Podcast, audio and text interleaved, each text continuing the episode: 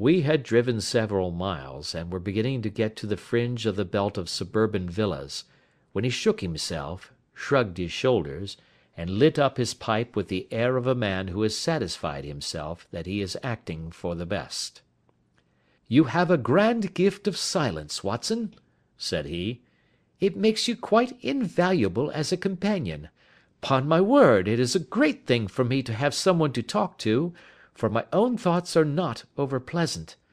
I was wondering what I should say to this dear little woman to night when she meets me at the door." "You forget that I know nothing about it." "I shall just have time to tell you the facts of the case before we get to Lee. It seems absurdly simple, and yet, somehow I can get nothing to go upon.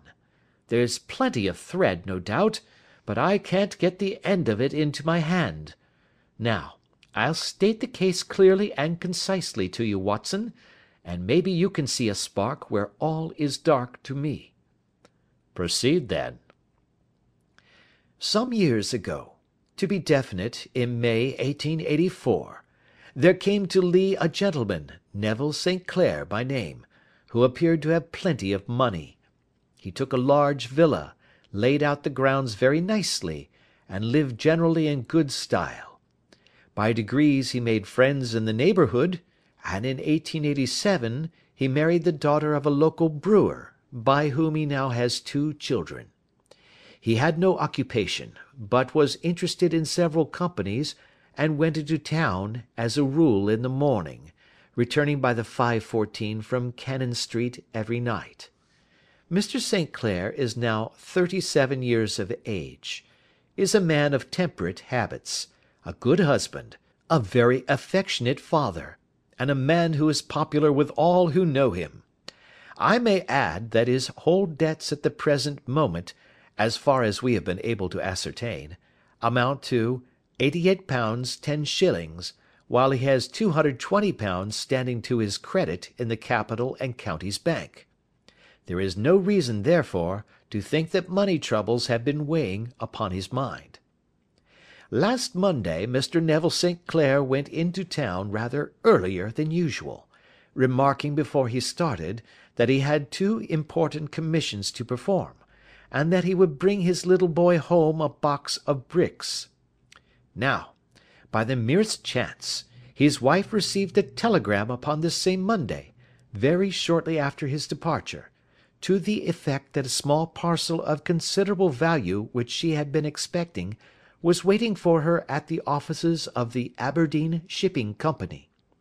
Now, if you are well up in your London, you will know that the office of the company is in Fresno Street, which branches out of Upper Swandam Lane, where you found me to night. Mrs. St. Clair had her lunch, started for the city, did some shopping, proceeded to the company's office, got her packet, and found herself at exactly 4.35 walking through Swandam Lane on her way back to the station. Have you followed me so far? It is very clear. If you remember, Monday was an exceedingly hot day, and Mrs. St. Clair walked slowly, glancing about in the hope of seeing a cab, as she did not like the neighbourhood in which she found herself.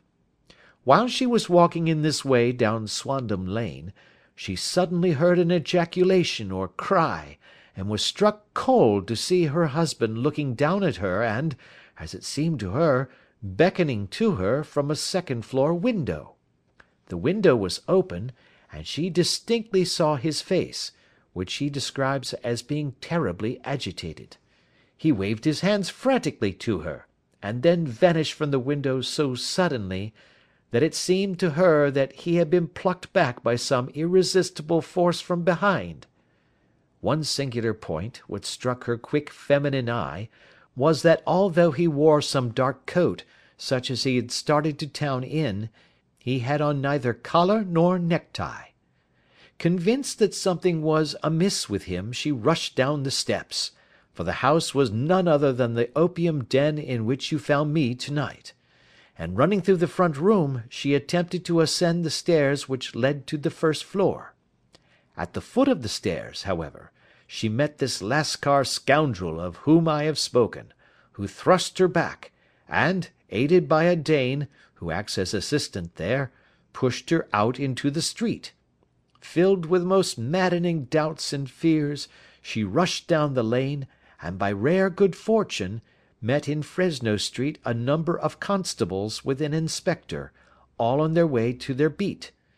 The inspector and two men accompanied her back, and in spite of the continued resistance of the proprietor, they made their way to the room in which Mr. St. Clair had last been seen.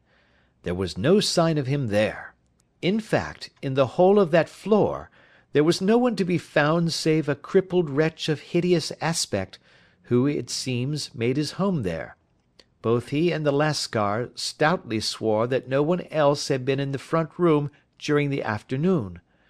So determined was their denial, that the inspector was staggered, and had almost come to believe that Mrs. St. Clair had been deluded when, with a cry, she sprang at a small deal box which lay upon the table, and tore the lid from it. Out there fell a cascade of children's bricks. It was the toy which he had promised to bring home. This discovery, and the evident confusion which the cripple showed, made the inspector realise that the matter was serious. The rooms were carefully examined, and results all pointed to an abominable crime.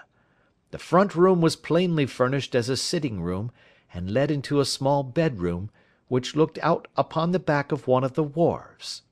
Between the wharf and the bedroom window is a narrow strip, which is dry at low tide, but is covered at high tide with at least four and a half feet of water. The bedroom window was a broad one and opened from below. On examination, traces of blood were to be seen upon the window sill, and several scattered drops were visible upon the wooden floor of the bedroom.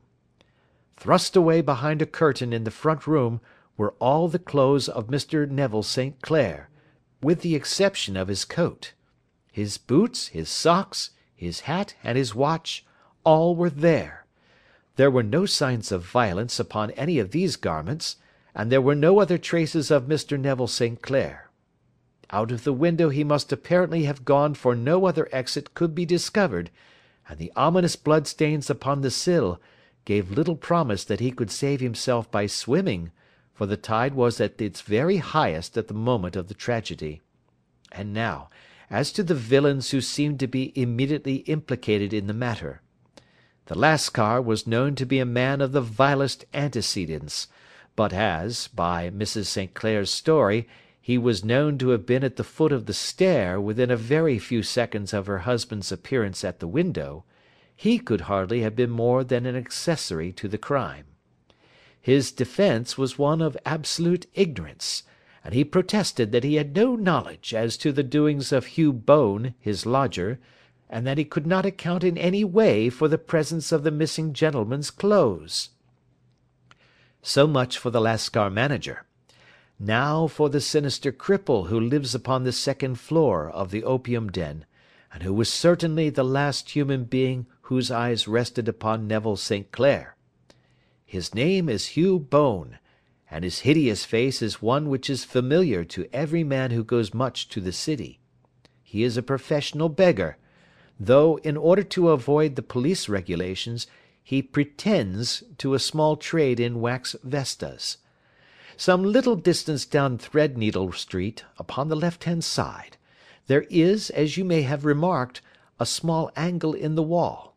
Here it is that this creature takes his daily seat, cross-legged with his tiny stock of matches on his lap, and as he is a piteous spectacle, a small rain of charity descends into the greasy leather cap which lies upon the pavement beside him. I have watched the fellow more than once before ever I thought of making his professional acquaintance, and I have been surprised at the harvest which he has reaped in a short time. His appearance, you see, is so remarkable that no one can pass him without observing him a shock of orange hair, a pale face disfigured by a horrible scar, which, by its contraction, has turned up the outer edge of his upper lip, a bulldog chin, and a pair of very penetrating dark eyes, which present a singular contrast to the colour of his hair, all mark him out from amid the common crowd of mendicants, and so too does his wit, for he is ever ready with a reply to any piece of chaff which may be thrown at him by the passers by. This is the man whom we now learn to have been the lodger at the opium den, and to have been the last man to see the gentleman of whom we are in quest." "But a cripple!" said I. "What could he have done single handed against a man in the prime of life?" "He is a cripple in the sense that he walks with a limp, but in other respects he appears to be a powerful and well nurtured man.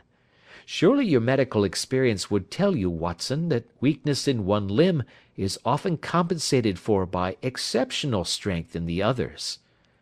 "Pray continue your narrative." "Mrs. St. Clair had fainted at the sight of the blood upon the window, and she was escorted home in a cab by the police, as her presence could be of no help to them in their investigations. Inspector Barton, who had charge of the case made a very careful examination of the premises, but without finding anything which threw any light upon the matter. One mistake had been made in not arresting Boone instantly, as he was allowed some few minutes during which he might have communicated with his friend the Lascar, but this fault was soon remedied, and he was seized and searched, without anything being found which could incriminate him.